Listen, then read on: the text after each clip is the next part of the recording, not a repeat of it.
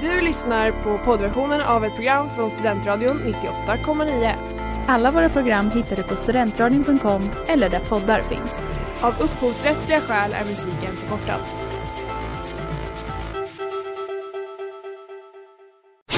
Reklam, reklam.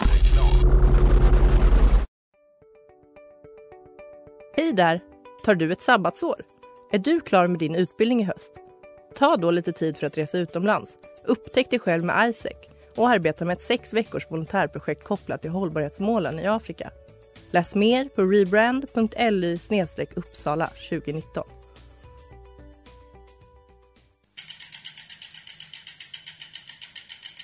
Har du fått punka, krångla växeln eller är cykeln inte lika snabb som den en gång brukade vara?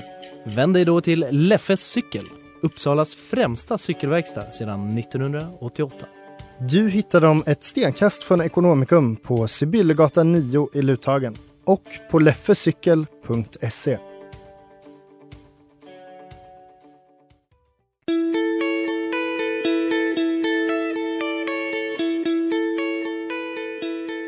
Hej och varmt välkomna till terapitimmen i Studentradion 98,9. Det är fredag och vi har ett eh, specialavsnitt idag. Så vi kanske bara ska börja med att presentera dagens ämne. En annan rapport som släpps idag från Försäkringskassan visar att det är en högre risk för kvinnor än män att bli sjukskrivna. Män tar ut betydligt färre föräldradagar än kvinnor. Viktigt meddelande angående den så kallade tafsardagen. Under loppet av tre veckor mördades fem kvinnor i Sverige. Nästan så att jag går och, gick runt och letade. Vart tog hon vägen? Hon var borta. Ja, dagens ämne som vi ska prata om är hur det är att leva i ett patriarkat. Och vi har eh, bestämt att inte lägga så mycket fokus på liksom bara oss själva utan vi har intervjuat fem olika kvinnor om det här.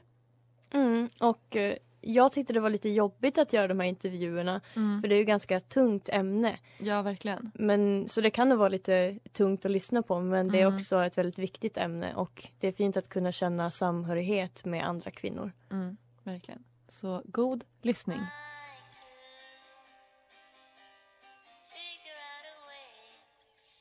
You got a hustle med Vacation Forever. Du lyssnar på terapitimmen i Studentradion 98,9. Nu ska vi prata med Emma. Hur märker du tydligast att du lever i ett patriarkat? Mm. Det är en ganska svår fråga tycker jag. Men det känns som att jag tänker mest på det här med ansvar typ. Att allt känns som att det är kvinnans ansvar och att männen bara kan typ komma undan med allting. Eller att så här, ja men typ att kvinnor har ansvar socialt och typ så här rättsligt när det har att göra med Ja men att männen typ alltid kommer undan och bara kan skylla på kvinnans klädsel. Eller att så här, alltså mycket liksom det här med att det är kvinnans fel men det är också kvinnans ansvar att fixa allting. Har du några fler exempel på när du tycker att det är så? Oj, men alltså jag tänker typ så här. Ja, men jag tänker också typ relationer i stort. Att så här, inget blir gjort om kvinnan, alltså i hetero liksom, relationer. Eh, att det känns som att inget blir gjort om inte kvinnan typ planerar, eh, genomför. Alltså man är projektledare i livet typ. Och männen bara hänger med. Ja. Hur tycker du att det har påverkat dig personligen? Alltså det känns som att nu när jag känner mig medveten om typ hur det är så har det ju varit alltså typ mycket ångest. Alltså typ så här, för när man var yngre typ det här med patriarkatet också att man skulle vara en skön tjej typ. Mm. Alltså man skulle vara med killarna. Man vill inte vara som andra tjejer utan man skulle liksom ändå eh, förhålla sig till killarna på ett sätt som var skönt. Men nu liksom när jag har liksom kommit vidare från det och som så här, ser hur det är, i alla fall för mig, så är det mycket ångest och typ så här orättvis känslor. Mm. Alltså att så här, kan, vi, ja, kan man bara få vara om man är kvinna eller måste man alltid anpassa sig och hålla på? Men alltså, jag vet inte. Eh, har det påverkat din självbild tror du? Alltså det... Alltså om man tänker typ hur det ser ut nu så, så skulle jag säga att eh, min självbild är ganska bra. Mm. Men det är också för att jag har kunnat bearbeta saker som, eh, som jag tycker är fel. Jag menar, det här med att, så här, att vi ska fixa oss, kvinnor ska fixa sig, men inte för mycket. Och att så här, det ska vara... Ja, men jag vet inte, det är som att kvinnohat liksom, det är som internaliserat kvinnohat, kan man säga det? Att man bara, jag är så sjukt ful, men det är också för att, för att man ska se ut på ett visst sätt, eller för att man ska plisa männen, typ såhär, okej okay, jag ska ha fillers, men inte hur mycket fillers, för att det är ju mm. inte snyggt, liksom, det ska vara naturligt, och typ att såhär, jag tänker också det här med att, att föra vidare det till andra, alltså ens dåliga självbild, eller dåliga, men att ens självbild är så himla baserad på vad, hur andra tycker att man ska se ut, att man också för vidare det då till mm. andra kvinnor liksom. Alltså jag menar om, ni, om man tänker typ influencers. Alltså att de är så här, de, många influencers liksom säljer på eller liksom tjänar pengar på att så här, föra vidare kvinnohatet. Mm. Men, men då är det också, men då blir det också så här, det blir så himla ja men vem ska då ta ansvaret? Då är det ju kvinnorna igen som ska ta ansvaret för att inte föra vidare att liksom vara, att föra vidare typ kvinnohatet. Eller fattar ni? Mm, det går typ inte att göra rätt. Nej, nej verkligen. Alltså det blir, alltså liksom feminismen blir så himla paradoxal om att så det ska vara så att yes, okej, okay, tjejer ska få göra vad de vill med sina kroppar. Men, men är det vad de vill? Vill de verkligen göra fillers? Vill man kanske inte vara nöjd? Fuck, jag, jag tycker det är skitsvårt. Tror du att det har påverkat hur du ser på andra kvinnor? Ja, det har det verkligen gjort. Och jag, jag tycker att det är skitjobbigt. För det känns som att nu har jag som, jag vet inte, att man tycker att någonting är rätt. Eller jag tycker mm. att det är rätt.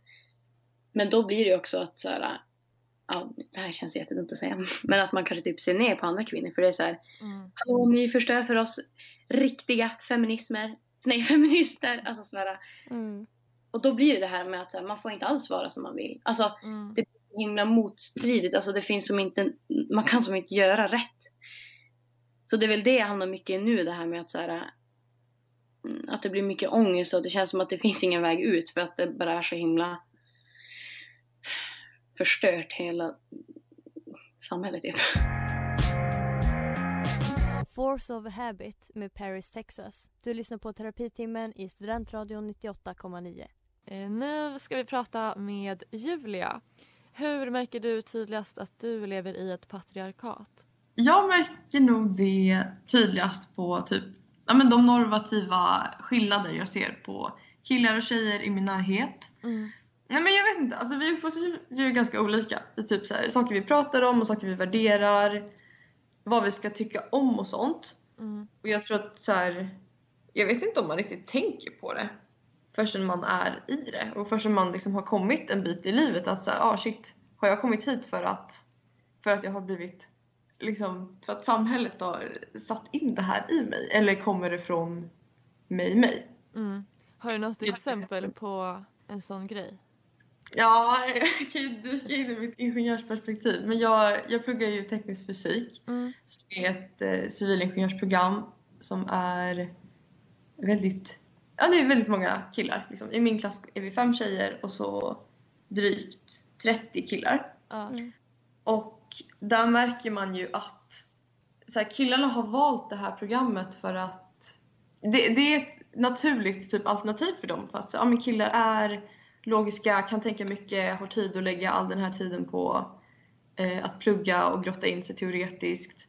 Även fast kanske många av dem också hade mått lika bra av att ha ett eh, ja, men lite mer chill program eller något att läsa och typ gjort mer på fritiden, mer sociala. Mm. Ja, jag vet inte, det varierar säkert jättemycket olika. Och sen de tjejer som är där är ju verkligen alltså pangbruttor som bara okej, okay, det finns mycket självförtroende i oss liksom. Att eh, vi klarar av det här typ. Mm. Hur känner du att det har påverkat, eller känner du att det har påverkat dig att vara liksom i minoritet på programmet som tjej? Ja, ja verkligen. Det, ja, det har det. Um, jag vet inte, jag känner typ lite att det har, i och med att det är så många killar runt omkring en, har det, näst, det har påverkat mitt självförtroende ganska mycket. Eh, på ett negativt sätt. För att jag känner att alla är så... Ja, men jag tycker killar snackar om sitt, alltså, sina kunskaper på ett annat sätt. De, de behöver inte liksom hävda sig men man bara märker att de tror på att de kan. Mm. Och att vi tjejer är mer liksom försiktiga och såhär, ja ah, det kanske är så här. Och när man frågar någon om hjälp så frågar man ju alltid killarna, även om tjejerna kan det lika bra. Och sånt. Så det har nog påverkat mitt självförtroende ganska mycket. Just intellektuellt. jag vet inte, alltså jag tror bara mycket handlar om så här hur man uttrycker sig också. Mm. Alltså tjejer är ju mycket mer ödmjuka. Eller, vi är väl ödmjuka på olika sätt. Jag vet inte. Det är så här, killar har en sån... Um, de behöver inte förklara sig lika mycket när de säger saker. Tror du att det har påverkat eh, ditt psykiska mående? Mitt psykiska mående? Jag tror... Ja men det är klart att de går lite hand i hand. Alltså det spiller ju över och blir så här, ja men vad, vad är jag kapabel till egentligen? Liksom. Eh, eller för mig har det väckt väldigt många sådana frågor. Så här, okej men om jag inte är smart, vad har jag då? Så måste man, ja shit, är jag här för att bara föda barn? Eller massa sådana frågor. Men de får man ju arbeta med själv också. Jag tycker man kommer ut starkare av det i alla fall, oavsett. Vad fint. Ja. Jag märker ofta när jag typ frågar mina kompisar som är tjejer varför de inte väljer ingenjör eller sånt där. Då är det för att ja, men typ, jag är inte tillräckligt bra på matte. Man tror att det är ett så här, ensamarbete och ja, men typ, man, man tror inte på sig själv basically. Nej, men jag hade aldrig klarat av det här. Frågar man killar som inte har valt ingenjör då är det så här, ja men jag har inte intresse för det. Mm. Och men det är ju verkligen så här att liksom, i skolan tjejer presterar bättre än killar och det är verkligen inte ett ensamarbete. Alltså det, är ju, ja, det finns sällskapssjuka människor överallt. Ska Mm. jag säga. Ehm, och verkligen i ingenjörsvärlden också.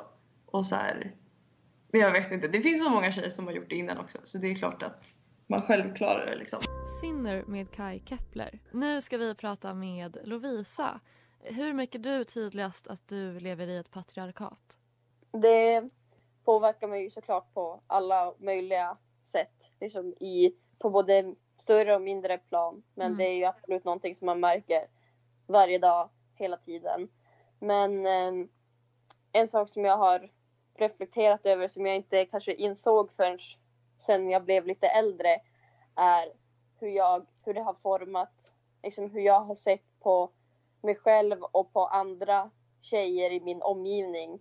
Och att, jag har, att för mig har det varit väldigt viktigt eh, hela den grejen att, här, att inte vara som andra tjejer. Att, Mm. att man ser ner på folk som är för basic. För att det är någonting som man liksom har fått, man blivit liksom indoktrinerad. Att det är något, det ligger liksom något skamligt i det. Eller någonting som är ointressant eller liksom eh, sådär. Att det liksom, för mig har det varit väldigt viktigt, framförallt när jag var yngre, att liksom komma ifrån att inte vara exakt som alla andra för att det har varit liksom en negativ grej.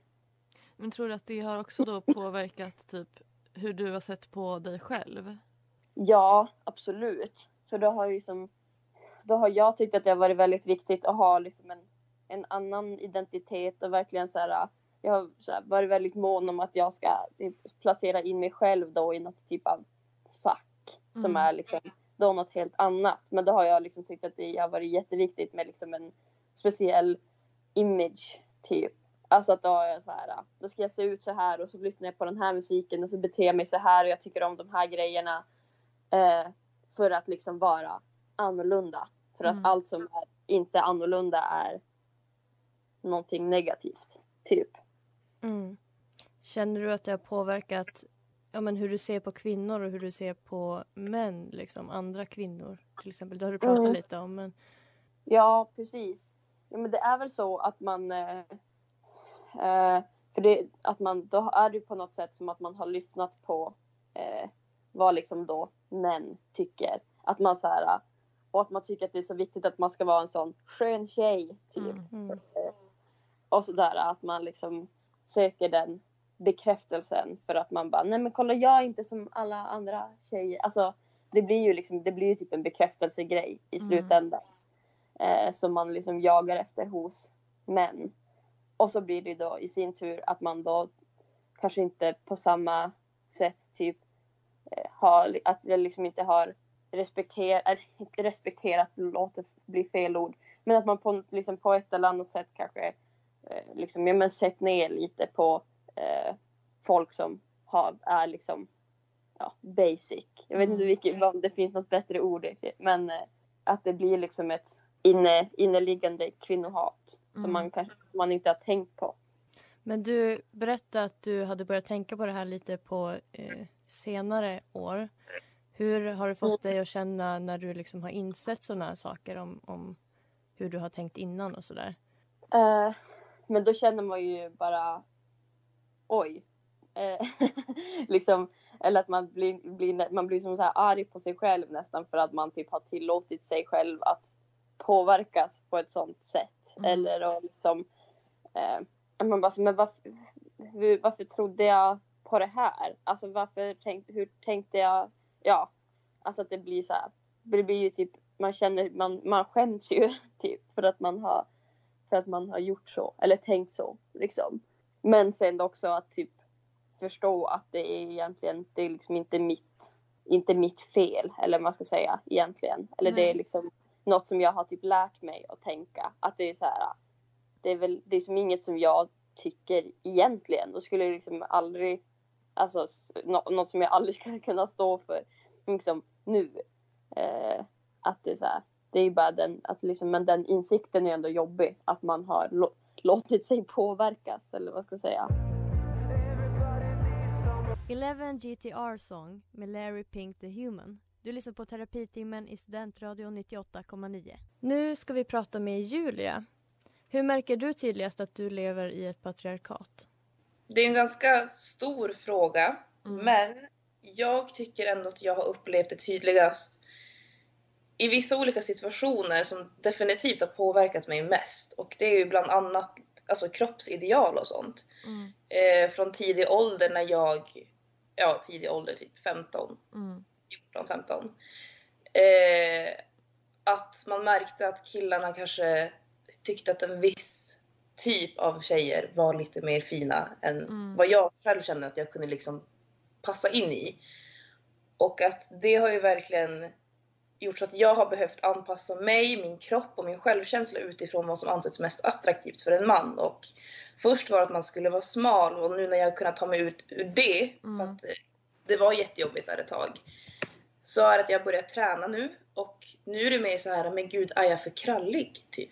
Alltså fattar ni? Att så här, är jag för manlig för... eh, ehm, och det är så sjukt hur man, även om man vet att det är fel, att man låter det påverka en på det sättet. Ehm, sen så tycker jag även att nu på sista tiden när jag flyttar hemifrån och jag har ju börjat plugga på universitet och allting. Eh, så har jag ju märkt i mitt skolarbete att jag har ju alltid varit den som har varit, varit väldigt självsäker och öppen för olika förslag av jag menar, hur man ska tänka och göra och så vidare. Och på mitt program så har vi basgrupper där vi ska diskutera frågor innan vi går in i en seminariegrupp och ska redovisa det. Eh, och i en basgrupp som jag hade så kom jag alltid in med, vet jag, men, att den attityden som jag brukar ha. Men då fanns det två killar där. Jättetrevliga, men de körde ju över allting jag sa. För att sen göra om det till sitt. Så då kunde jag liksom komma med en ja, men, tolkning av en paragraf och de bara nej men det där lät inte jättebra. Efter fem minuter så sa de exakt samma sak och tog all cred för det. Ehm, så till slut, det påverkade ju mig genom att jag bara blev tyst. Alltså jag orkade inte prata längre. Och jag har, alltså det gick ju så långt att jag till och med har skrivit en lapp på min kylskåpsdörr att du kan mer än vad du ger dig själv cred för. För att jag var tvungen att påminna mig själv om att jag är inte dålig. Det är inte, alltså så här, jag kan verkligen. Och, att, och att deras åsikt ska ju egentligen inte spela någon roll. Känner du att det har påverkat eh, mycket hur du beter dig i olika situationer? Absolut, absolut. Jag känner typ att jag har, alltså desto mer man påverkas av på, eller desto mer jag påverkas av det så har jag ju liksom bara dragit mig undan. Alltså jag blir bara mer tystlåten, mer eftertänksam om hur, vad jag ska säga, vad jag inte ska säga för att det inte ska låta fel. Liksom. För att jag inte ska bli överkörd igen. Ehm, för det, den biten tar ju så mycket på mig. Men jag känner typ att det går verkligen inte längre att vara sig själv till 100%. Och det har ju satt en sån press på mig att jag måste, jag måste fundera på hur jag ska bete mig men också på vad jag vill. Och hur Mm. jag vill portrayas. Och det har ju fått göra att jag inte fått riktigt leva ut lika mycket som jag kanske vill och behövt försvara mig själv ibland till och med när jag väl har gjort det. Tror du det har påverkat din eh, självbild? Ja, eller för mig själv så ser jag mig som en Picasso-tavla. Det här låter ju jättekonstigt men hear me out. men det är typ att, ni vet ju hur en Picasso-tavla ser ut. De är väldigt, det är många bitar, det är väldigt konstigt konstruerat Mm. ihop. Det blir ju fortfarande en bild, folk ser ju den. Men det bara sitter inte riktigt rätt. Och då var det det här vad jag ville vs vad som förväntades och vad jag borde anpassa mig till. Så när det var som värst så kände jag bara att det var bara jävla huller om buller. Och att det blev, det blev otroligt jobbigt. Jag kunde inte riktigt se på mig själv så som jag ville se på mig själv. Jag, ville vara, jag vill ju vara den här starka, självsäkra personen. Mm. Eh, men det blir så mycket press utifrån eh, att det inte riktigt ibland går helt och hållet. Get High by Clothes med The Rhymes. Det här är terapitimmen i Studentradion 98,9. Nu sitter vi här med Chris Emelie Denstedt som är samordnare på Uppsala tjej och transjour. Vill du berätta lite grann om vad ni gör i jouren? Absolut. Det, vi har lite olika eh, verksamhetsben men det största benet är vår stödverksamhet. Och det innebär att vi, vi ger stöd till tjejer oavsett om det är cis eller transtjejer och unga transpersoner eh, oavsett om, om det är en ung person som är transkille eller icke-binär eller då transtjej eller kanske inte har eh, identifierar sig utifrån kön alls då. Eh, och eh, ger stöd till dem via främst nätet. Så att vi har chatt, eh, chattverksamhet, chattstöd öppet tre kvällar i veckan. Eller så kan man också mejla eh, och få svar på mejl. Då. Och då kan man höra av sig om precis vad som helst. Vi har ingen specifik inriktning så utan det känner man för att man vill prata med någon så finns vi där och det är helt anonymt och sådär. Ja. Också. Eh, hur många är det ungefär som söker stöd hos er varje år? Ja, eh, hur många individer kan vara lite svårt att avgöra eftersom stödet är liksom anonymt sådär. Men vi kan se hur många stödåtgärder vi gör och en stödåtgärd är då ett chattsamtal eller man har svarat eh, på Mm. ett mejl till exempel. Och eh, förra året 2020 var det drygt 1300. Året innan dess var det runt eh, 1600 stödåtgärder. Så att eh, ganska många Mm. är det. Mm. Vilka är de vanligaste sakerna som unga söker stöd för hos er? Ja, om man tittar på liksom grupperat så är det typ samma eh, ämnesgrupper som är liksom störst år ut och år in. Och det är eh, att man pratar om någon form av psykisk ohälsa. Eh, och det kan ju vara allt ifrån att man känner att man har väldigt låg självkänsla till att det är någon som loggar in och eh, pratar om att så här, men jag vill inte leva längre. Så, så att det är ett väldigt eh, brett, brett spann i det, i den liksom ihopklumpade stora ämnet. Sen brukar också utsatthet för någon typ av våld vara vanligt förekommande.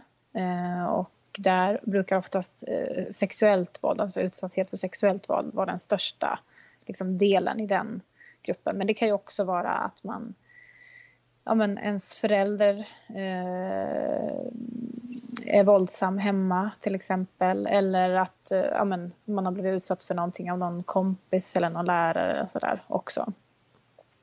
Och den tredje största grejen brukar vara relationsrelaterade eh, saker. Det kan ju vara allt ifrån hur det är i familjen till hur det är med ens vänner till liksom frågor kring kärleksrelationer och sådär. Så det, det är de tre största grejerna, största temana som återkommer. Bra med Leo Bungie.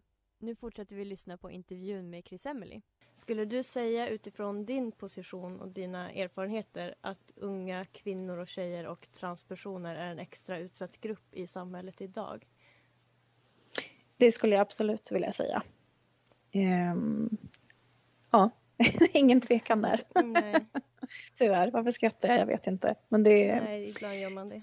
ja, det, är, det är sorgligt när man kan svara på den frågan så tvärsäkert. Mm. Mm. Och alltså det, det finns ju mängder av olika anledningar till det. Men alltså den grund, grundläggande anledningen är ju att vi lever i ett ojämställt samhälle.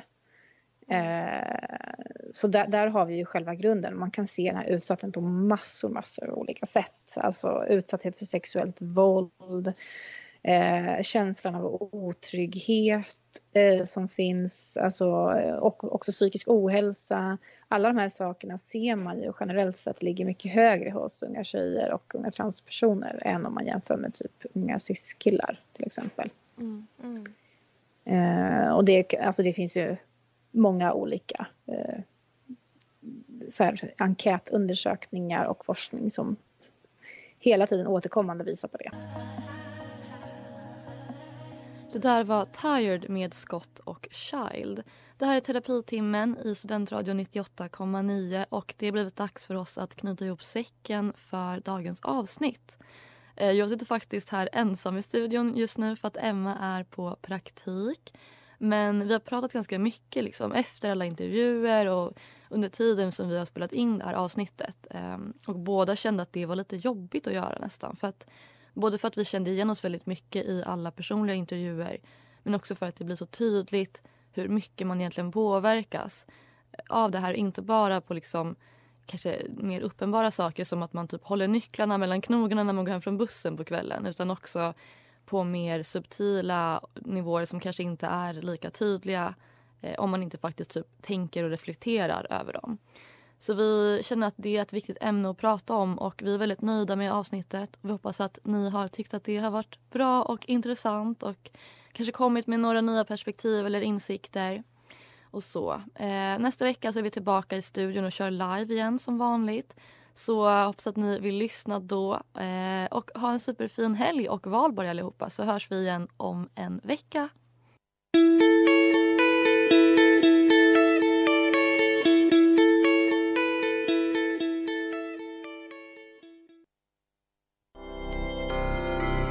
Har lyssnat på poddversionen av ett program från Studentradion 98,9. Alla våra program hittar du på studentradion.com eller där poddar finns. Och kom ihåg, att lyssna fritt är stort, att lyssna rätt är större.